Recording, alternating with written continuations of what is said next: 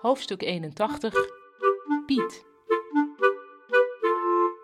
Om half twaalf werd er op de deur gebonst. Kavia schrok op, want ze was net aan het googelen op mild vuur. Er kwam een zwarte Piet naar binnen die met een Surinaams accent riep: Hallo, hallo, zijn er nog stoute kindertjes? Hij strooide wat strooigoed door de ruimte en rende toen meteen weer weg. Kavia keek naar Ruud. We zouden dit jaar toch niet aan Sinterklaas doen, omdat we al een kerstborrel hebben? Ruud wilde antwoorden, maar net op dat moment kwam Roy binnen.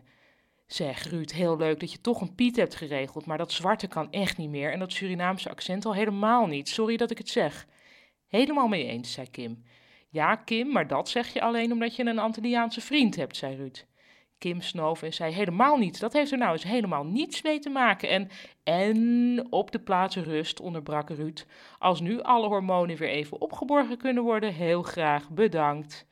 Nou ja, riep Kim en ze beende naar de wc.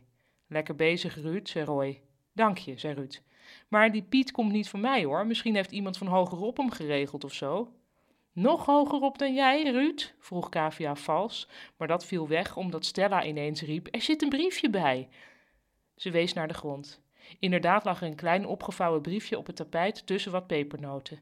Kim pakte het op en vouwde het open. Er staat groeten van de emballage, want zonder de emballage is er helemaal niks. Is het van de emballage? vroeg Kavia. Ach, wat aandoenlijk, zei Stella. Dit is waarschijnlijk een poging om aan PR te doen, op hun manier dan. En ik ga nu uitzoeken van wiens budget dit is gegaan, zei Ruud.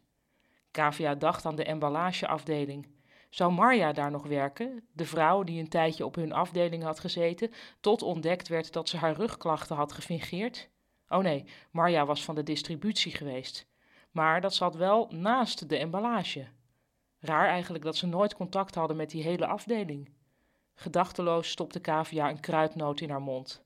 Gadver, riep Stella, die eet je toch niet op? Die komt van de emballage.